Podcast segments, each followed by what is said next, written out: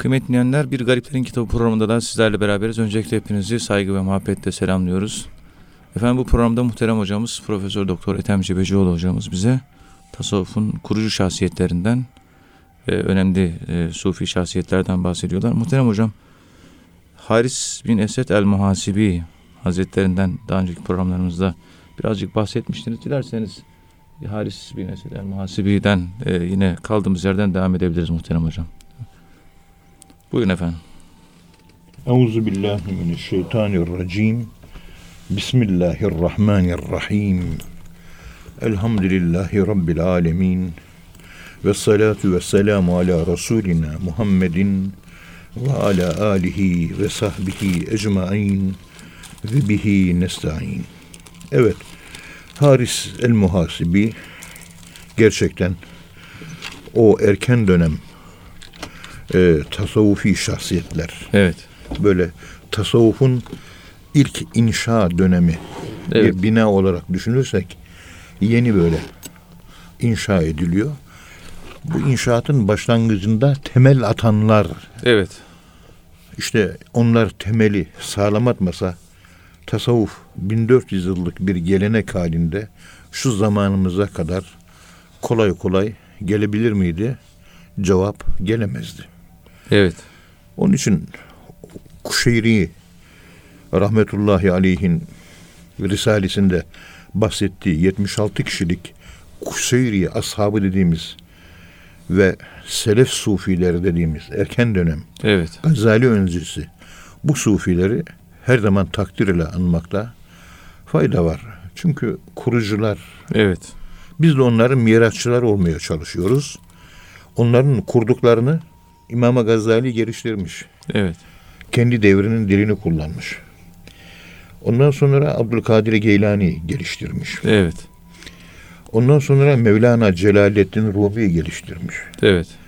Bu şekilde bu tasavvufun dili Muddin Arabi Hazretleri geliştirmiş.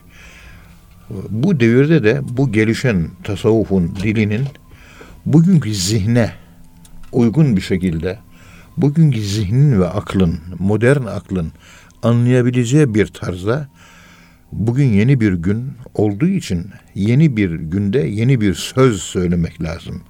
Çünkü dün söylenenler eskidi. Güzel ama eskidi. Artık yenilenmesi lazım.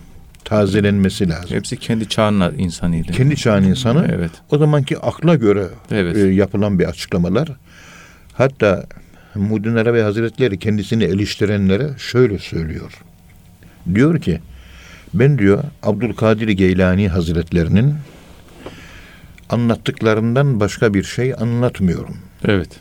O kendi döneminde, yaşadığı dönemde yaşadığı döneme göre anlatmış diyor. Evet. Ben de Bağdat'ta Abdülkadir Geylani Hazretlerinin bana cübbesi ve hırkası giydirildi. Hırka-i Kadiriye giydirildi bana ve o manevi mirası ben aldım. Bugün yeni bir gün, bu devir yeni bir Evet. new era, yeni bir zihin, yeni bir anlayış, yeni bir dönem. Güneş yeniden doğdu. Evet. Bu yeni günde ben onun açıklamalarını bugünkü dilde anlatıyorum. Onun anlattığı hakikatin dışında bir hakikat anlatmıyorum. Evet. Şu Muhyiddin Arabi Hazretlerinin bugünkü takipçileri görüyoruz. Kıymetli araştırmacılar, akademisyenler. Allah razı olsun. Anlamaya, anlatmaya çalışıyorlar. Ahmet Avni Konuk ne güzel anlatmış. Evet. e, Tahralı Hoca Efendi çalıştı buna. Ortaya çıkarttı. Hayranlıkla okuyoruz. Şerhler var bilmem ne vesaire. Ama bugünkü dil artık 21. yüzyılın dili ve aklı.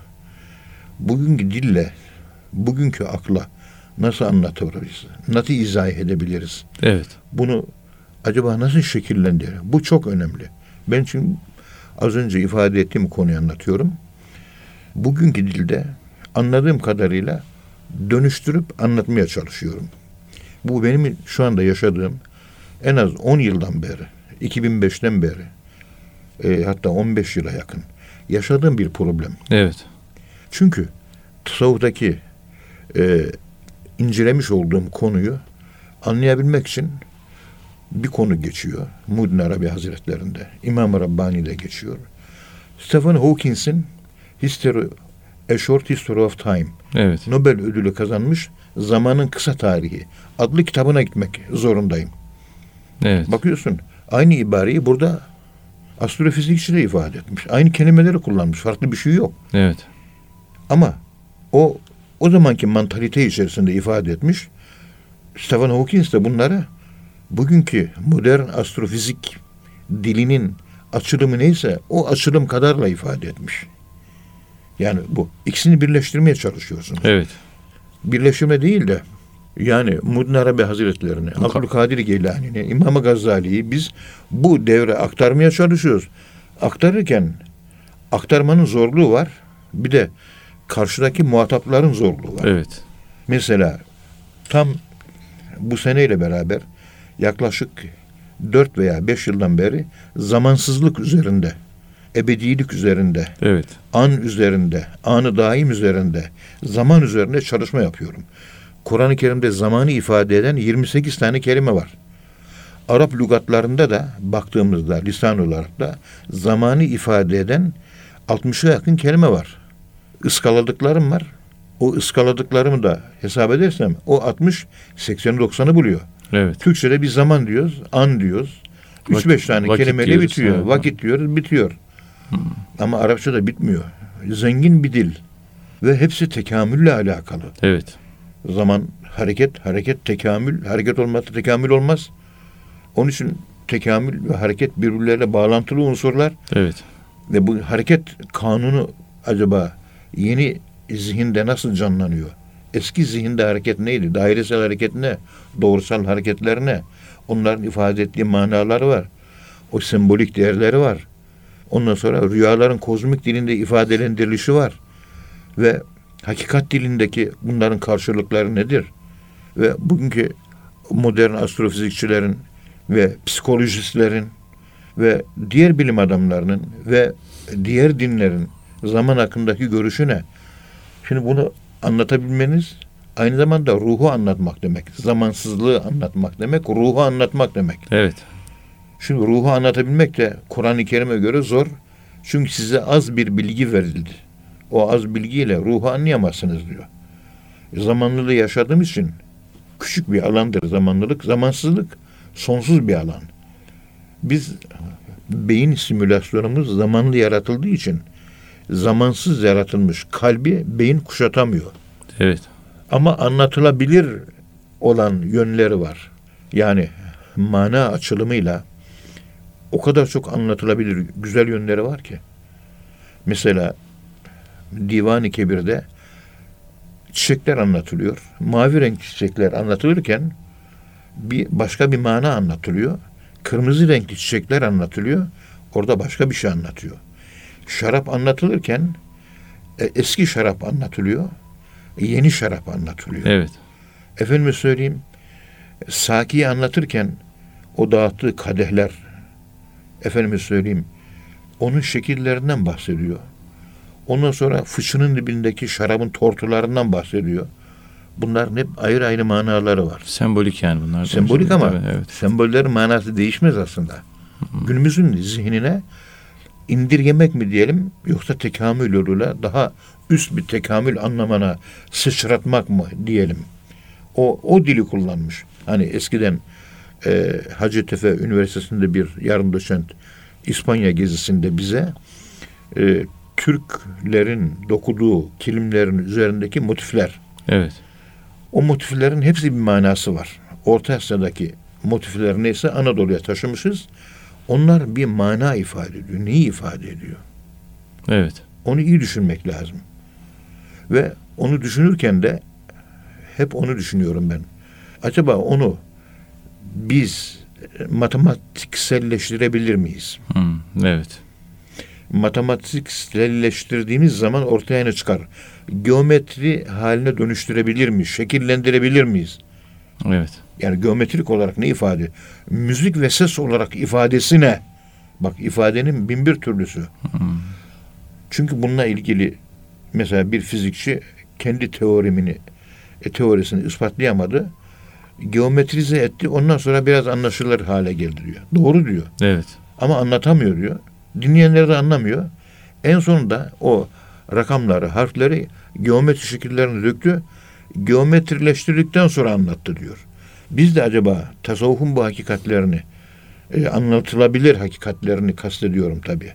O kuantumla alakalı, bilinmezle alakalı kaderi onları anlatmak bizim haddimizde değil. Bizim aklımız cüce, küçük bir akıl. Ben bunu nasıl anlatabilirim? Konuştuğum zaman trafik kazaları yaşadığım çok oldu. Ve insanlar bu yüzden bu konuşmalarımın tam anlamına vakıf olamadığı için en biliyor diye bildiğim insanlar dahi konuştuğum dili anlamıyor. Evet. Hep şikayet ediyorum. Tasavvuf hocaları da anlamıyor bu dili. Çünkü bu dili önce bir bilgi olarak biliyoruz, teorik olarak hayata döküyoruz ve bir şey çıkartıyoruz. Ben de biliyorsun, sen de biliyorsun, herkes biliyor, tasavvuf hocalar da biliyor. Ama bugünkü dilde karşılığı nedir diye böyle bir problem var.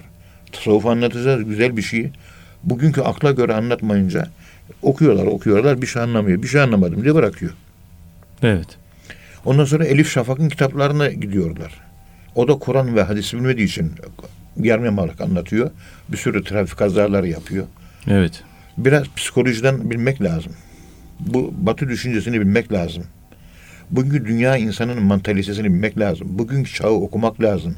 Zamanı okumak lazım. Zamanın ruhuna nüfuz etmek lazım.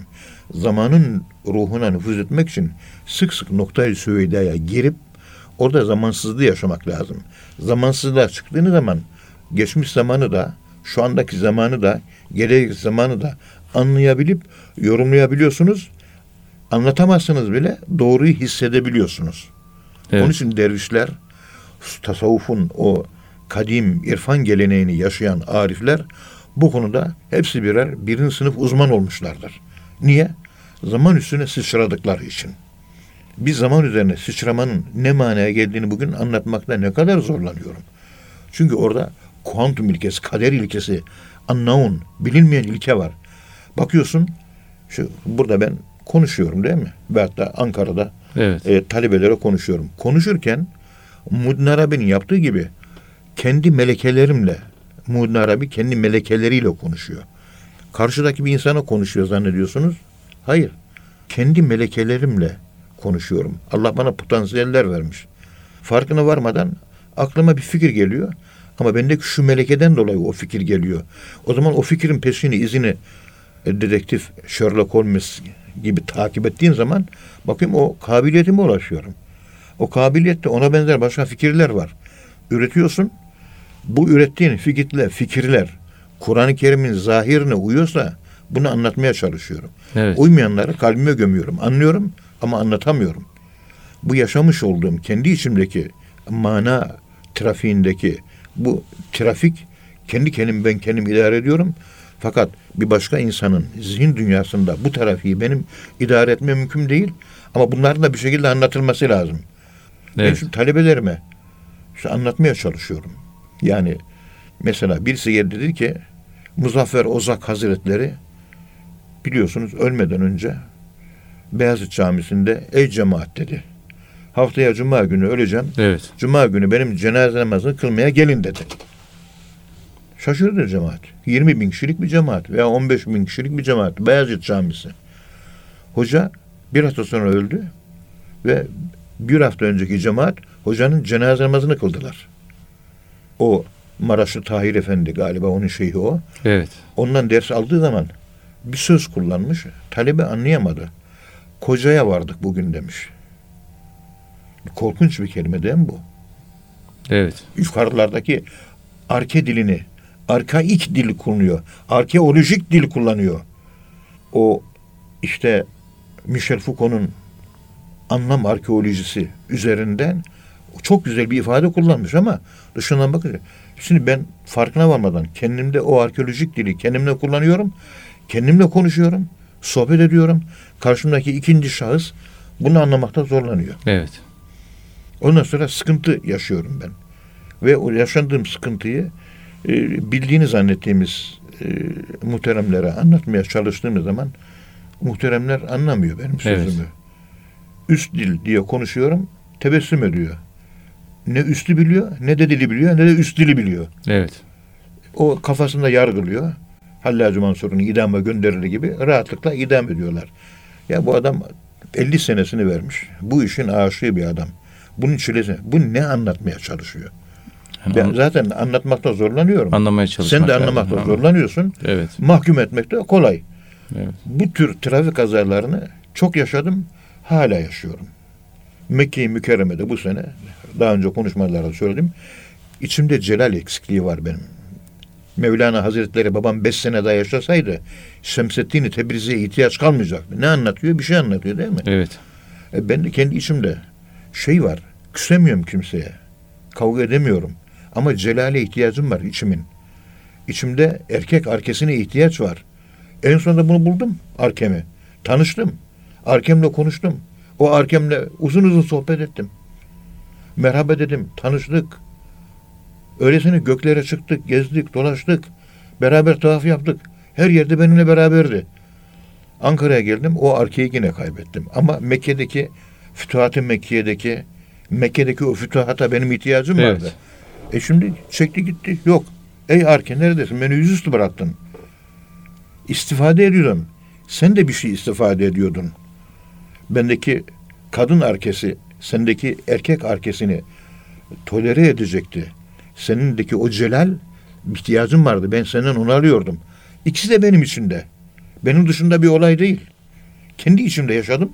Kendi içimde bitirdim. Kaybedince üzülmüşüm. İşte o şiiri yazdım. Okuyup duruyorum her tarafta o şiiri. Evet. Ağlayıp duruyorum o şiirde. Nerede benim arke? Arke şimdi arkada kaldı. evet. Şimdi tasavvufun böyle bir yönü var. Bu yaşadığınız hali anlatmak o kadar zor. O kadar zor ki işte bakıyorsunuz e, buna itiraz edene İmam Rabbani'deki o, o şataat ibareler var mektubatta. Evet. Bir, Buna ne diyorsun? O zaman oradan da korkuyor. E, İmam Rabbani bu. İmam Rabbani o kadar da da bağlı te- birisi. tele- şeyde mikrofonlarda ben söylemiyorum bile. Ve e, sosyal medyada işte Mevlana böyle abuk sabuk konuşmuştur. İmam Rabbani böyle abuk sabuk konuşmuştur. Muddin Arabi abuk sabuk konuşmuştur diye bir sürü soru bekleyen, cevap bekleyen sorular yok mu? Evet. Hiçbir tasavvuf hocası çıkıp kalkıp cevap veriyor mu? Yok. Vermiyor değil, veremiyor. Evet. Vahit Bey vermiyor değil, veremiyor. Çünkü o halin yaşanması lazım. Kenarından yaşayınca kaç bucak olduğunu o zaman anladık. Alem bildiğimiz bu böyle bir alem yok aslında. Olmayan bir yerde yokluk yok yoku yaşıyor. Sen varlık konuşuyorsun. Neden bahsediyorsun sen? İnsan yaşadığı kabiliyetler, potansiyeller, arke, hakikati ne? Onunla bir insan insandır. O hakikatte hiç kimse yok. Bu enel hak meselesi değil bu konuştuğum. Farklı bir şey. Evet. Laf çok farklı bir şey bu. Sabahleyin gelirken içimde böyle bir cehennemin kıyısında dolaşma arzusu vardı. Celal vardı. İşte Macaristan'dan gelen muhterem kardeşlerimizle konuştuk az önce. Şimdi içinde cennetim oluştu. Cennetimin huzuruyla konuşuyorum şu anda. Ama o zamanki sabahki arke yıkıcı arkeydi. Erkek arkeydi. Anima arkeydi. Ama şimdi animus arke. Yani dişil arke, yani merhamet arkesi, yani cemal arkesi. Efendim bu bir şizofreniya mı? Şizofreniya değil. İkiliklerin bittiği yeri yaşıyorsunuz. Evet. Ve karşıdaki insandan hem veriyorsunuz hem de alıyorsunuz. Hakikat sizde varsa dinleyenler bu konuşmanın etkisi altında kalıyor. Hakikat yoksa Yoksa etki. güzel bir masal dinlemiş gibi dinliyor. Ya bu hoca güzel konuştu diyor ve geçiyor gidiyor. Dün lise 2, lise 3 talebeleri vardı. Bu konunun bir başka çeşitlemesini, bir başka varyasyonunu konuştum. Evet. Talebeler öyle bir dinledi ki böyle ciğerlerini vererek ciğerleri dışına çıktı. Orta lise 3 talebeleri. Ama üst düzeyde fikirler bitti. Ne anladınız dedim. Vallahi hocam bir şey anlamadım. Hiçbir şey. Ama o kadar güzel konuştun ki dediler. Evet. Duygulandılar. Gözleri yaşardı. Etkilendiler. Uykular var mı? Uykuları açıldı. Konuşulan söz haksa. Ama anlamadıkları halde sözün Tesirinde Her kaldılar. sözün- Hmm. e, şeyi vardır.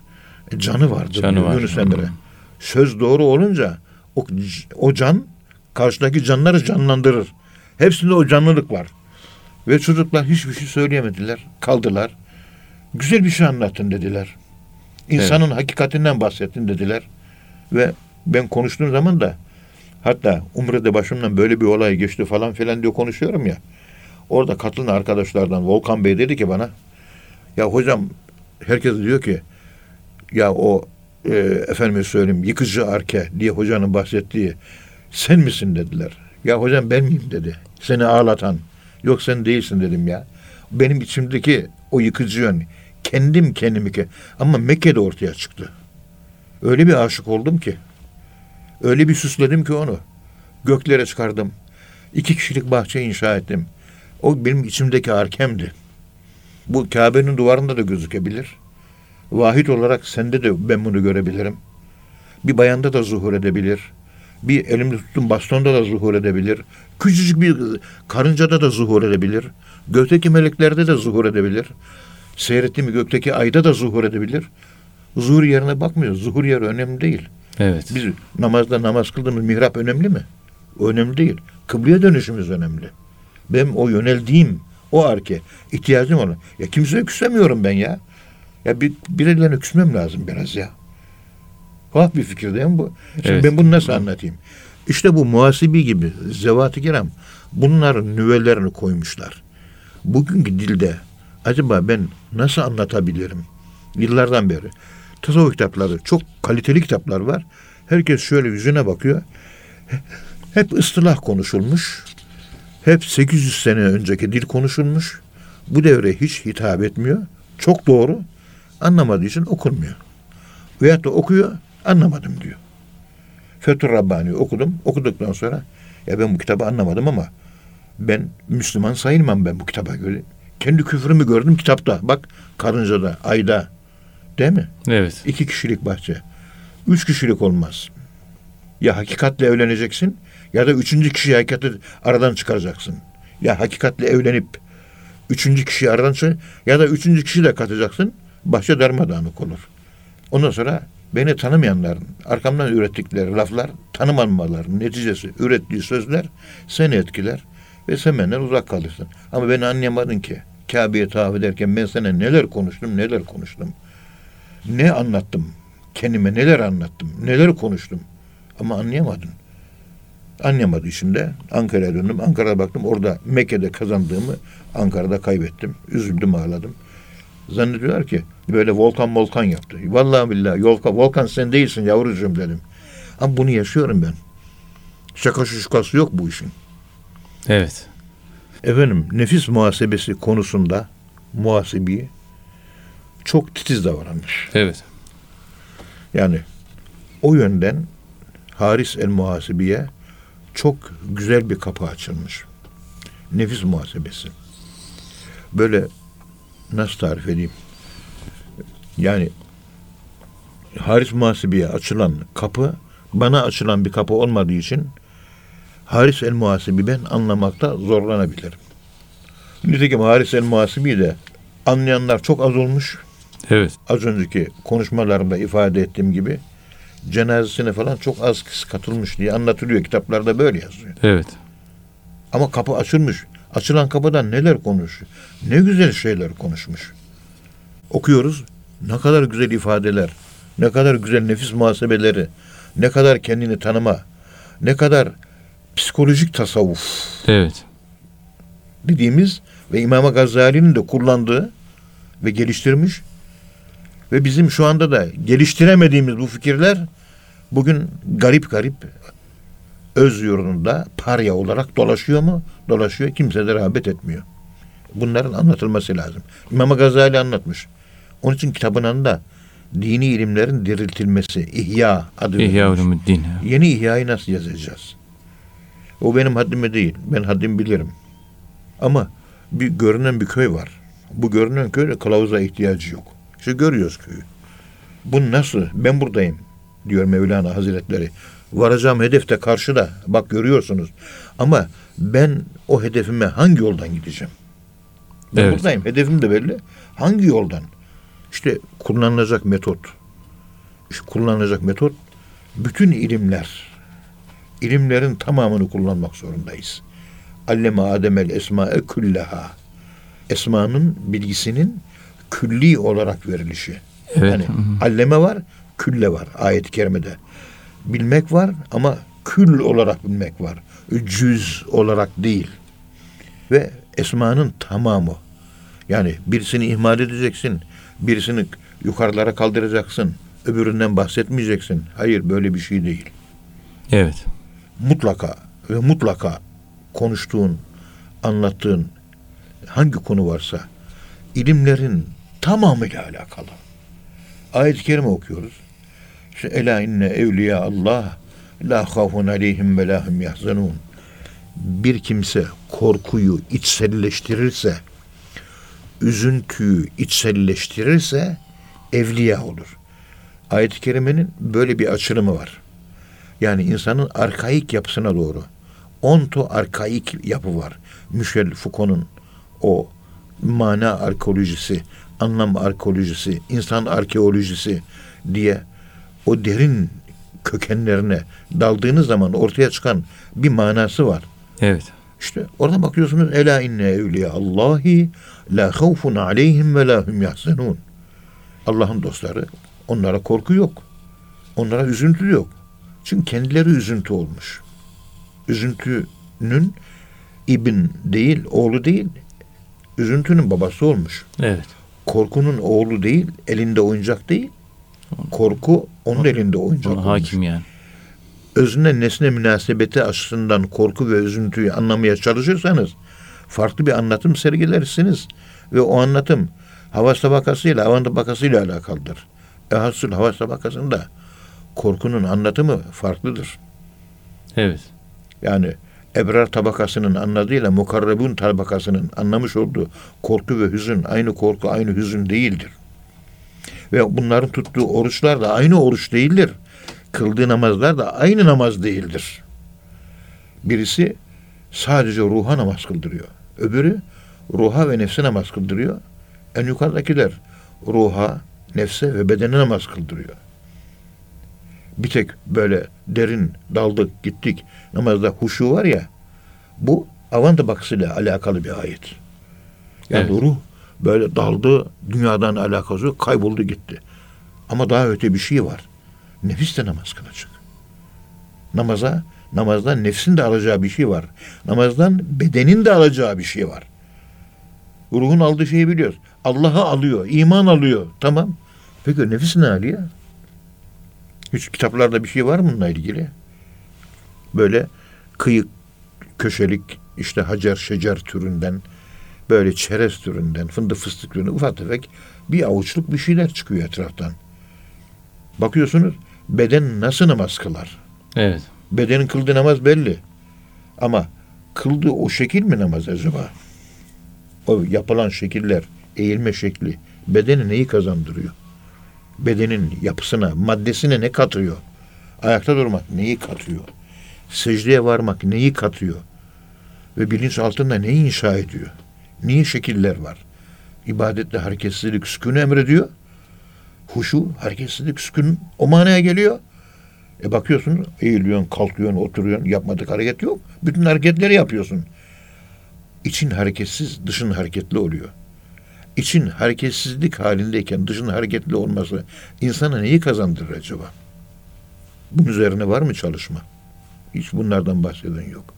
İşte kayboldum, gittim, namazdan kendimden geçtim, Allah'ta kayboldum, fani oldum. Güzel ifadeler. Bana ruhun namazını anlatıyor. O şu huşu o. Ama o huşu ayet kelimesi avama hitap ediyor. Sen huşunun üzerindeki huşunun hakikatine yükseleceksin. Ruhun terbiyesi olmayacak mı namazda? Mesela oruç tutuyoruz. İşte beden için aç kalmak, nefsi terbiye etmek. E ruhun bir faydası yok mu? Var beyaz bölüm. Evet. E, El Mevtul Ebyad diyoruz. Hazreti Musa ile alakalı kalp ruh sırla, sır latifesiyle alakalı bir yapı var orada. Acaba ruhumuzun sır latifesi bir oruçtan enerjiyi nasıl alıyor? Nasıl kendi tekemi? Onun enerji almasın. İmanın bir yönden güç kazanması. İmanın bir yönden kuvvet kazanması anlamına geliyor. Oruç üzerinden imanım kuvvet kazanıyor. Namaz üzerinden imanım kuvvet kazanıyor. Zekat üzerinden imanım kuvvet kazanıyor. Hac üzerinden imanım kuvvet kazanıyor. Hizmet üzerinden imanım. Halbuki bunlar fiil ve hareketler değil mi? Evet. Hareketler senin kalp dünyanda, ruh dünyanda inanç geliştiriyor. Ve bu birliktelik amenü ve ameli salihati diye Kur'an-ı Kerim'de sık sık geçmiyor mu? İnandılar yani teori ve ameli salihat ve pratik amele döktüler. İnanma varsa amel var. Eğer inanç yoksa amel yok. Amel göremiyorsan iman da yok demektir. Ama amel imana dahil değildir ehli sünnet vel cemaat inancına göre. Doğrusu da budur. Ama imanın tekamülü için amele ihtiyaç var. Evet. Tekamül etmemiş avam imanı var. Bunlar için avam cennetine gider, avam cennetini yaşar. Onun için ruhların böyle yüksek zevk sahiplerinin Abdülkadir Geylani gibi mukarrebun evliyanın gittiği cennetler var. İşte o cennetlerde Allah'la, Allah'a bakmak, Allah'ı görmek, Allah'la konuşmak. Yüce, yüksek. Onun için dünyada kişi dünyada aklını, ruhunu ne kadar geliştirirse cennetteki mertebesi aklına göre mertebelenecek. Aklı yükseltmek lazım.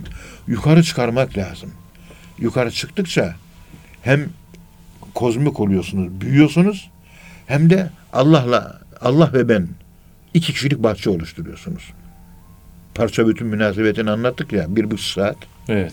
Uzun uzun bir anlatım yaptık. Bir zekat, yemek yedirme, parça bütün münasebeti ve parça bütün münasebeti üzerinde insanın parçalığı, o parça olduğunu farkına varması, aynı zamanda bütün olduğunu da farkına varması. Bütün olarak farkına vardığı zaman kainattan sorumlu oluyoruz. Bir kelebeğin kanadının falanca yıldızı etkilediğini Stephen Hawking'in e, ispatladığı gibi o kuantum fiziğine göre. Evet. Bütün kainata mensup oluyoruz. Fridtjof Kapran dediği gibi biz kainattan sorumluyuz. Kainata aitiz. O bütüncül yapımızı anlıyoruz. Bir de tikel yapımız var. Onu da anlıyoruz.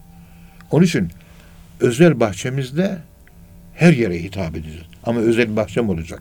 Peygamberimizin var mı özel bahçesi? Allah ve ben bahçesi var mı? Var. Evet. Liyeme Allahi vaktun. Allah'la benim aramda özel bir hal var. Özel bir durum var. Özel bir keyfiyet var. Özel bir durum var diyor Peygamberimiz sallallahu aleyhi ve sellem. Oraya hiç melek giremez diyor. Mürsel meleklerin ruhları da giremez diyor. Demek ki bizim ibadetlerimiz yukarılara çıktığımız zaman Allah'la aramızda o mukarreb melekler girebiliyormuş. Ve mukarreb denilen o yüksek evliyaların, yüksek ruhların da bir girişi varmış ki Evet. Peygamberimiz o kadar yaklaşıyorum ki mesafeler dürülüyor. Allah'la benim arama girmeyecek şekilde sımsıkı bir irtibat oluyor. Kimse orayı delip o Allah'la benim arama giremiyor diyor. Küçük bahsi o. Melekler bile girer. Araya bir ilişki girdiği zaman şirk oluyor. Ama o sabit tevhid ayağı yani vahdet kesreti tavaf etmeye engel değil. Evet. Vahdeti sabit koruyacağız. Kesret değişkendir. Sabitimizin etrafında değişkenler oluşturacağız. Değişkenleriniz zayıf olursa sabitiniz kuvvetli olmuyor. Dağ ne kadar yayılırsa Himalaya dağları gibi Everest tepesi gibi 8000 metre yükseklikte 8882 metre yükseklikte tepeler oluşur mu? Evet oluşur. Evet. Onun için amelleri çoğaltmak lazım. Kur'an okudun. Biraz salavat çek. Git akraba ziyareti yap. Gel babanın mezarını ziyaret. et. Gel İhya-i Ulumuddin oku. Osman Hocamızın kitabını oku. Gel biraz kaza namazı kıl. Git biraz hadis oku. Git biraz fıkıh oku. Git birisine Kur'an-ı Kerim öğret. Git efendime söyleyeyim hanımınla evde sohbet et. Git iş yerinde çalış. O gün oruçlu ol. Bilmem ne. O kadar çok çeşitlendireceğiz ki. Abdest aldık.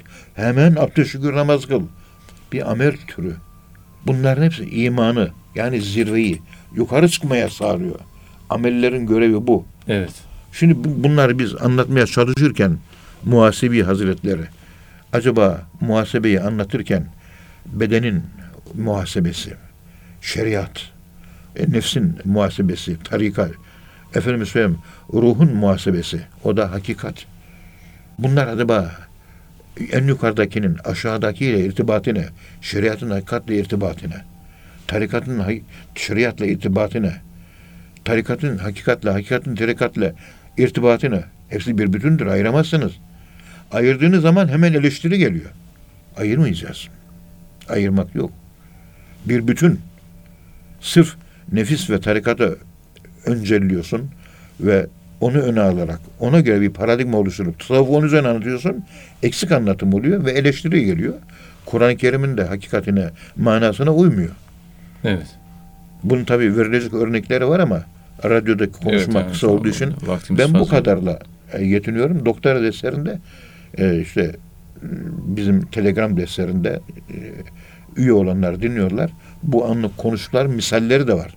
Örnekleri de var. Evet. Onları vermem lazım. Vermemiz lazım. Vermezseniz bugün modern akıl, günümüz aklı tasavvufu anlamakta zorlanıyor. Zorlanınca da tasavvuf kitaplarını alıyor. Süs olarak kütüphanede bulunduruyor. Okumuyor, mahrum kalıyor ve anlamadığı, okumadığı için de başkasına anlatamıyor, mahrum bırakıyor. Dervişlerin büyük bir çoğunluğu tamamen şekil dervişliğiyle meşgul. Derinlik dervişliğiyle meşgul olan kalmadı artık. Evet. Bunların hakikatleri öyle basit bir şey değil. Yenil, yutulur. Böyle basit lokmalardan da değil. Cenab-ı Allahü Teala Hazretleri anlayabilmeyi bizlere nasip Amin. eylesin. Amin inşallah. Allah razı olsun hocam.